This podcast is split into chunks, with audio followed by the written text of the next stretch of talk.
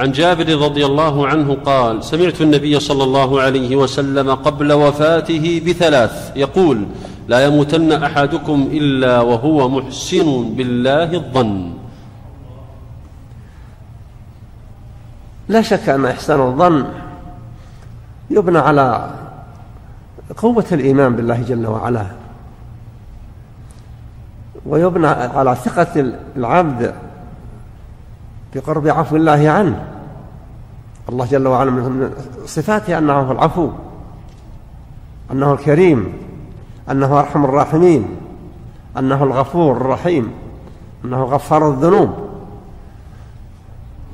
لكن الإنسان ينبغي له في حياته في أيام صحته أن يكون خائفا ويجتهد في الأخذ بالأسباب المنجية من عذاب الله.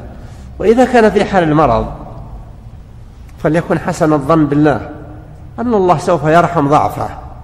أن الله جل وعلا سوف يتجاوز عما فرط منه من أمور كان نادما عليها.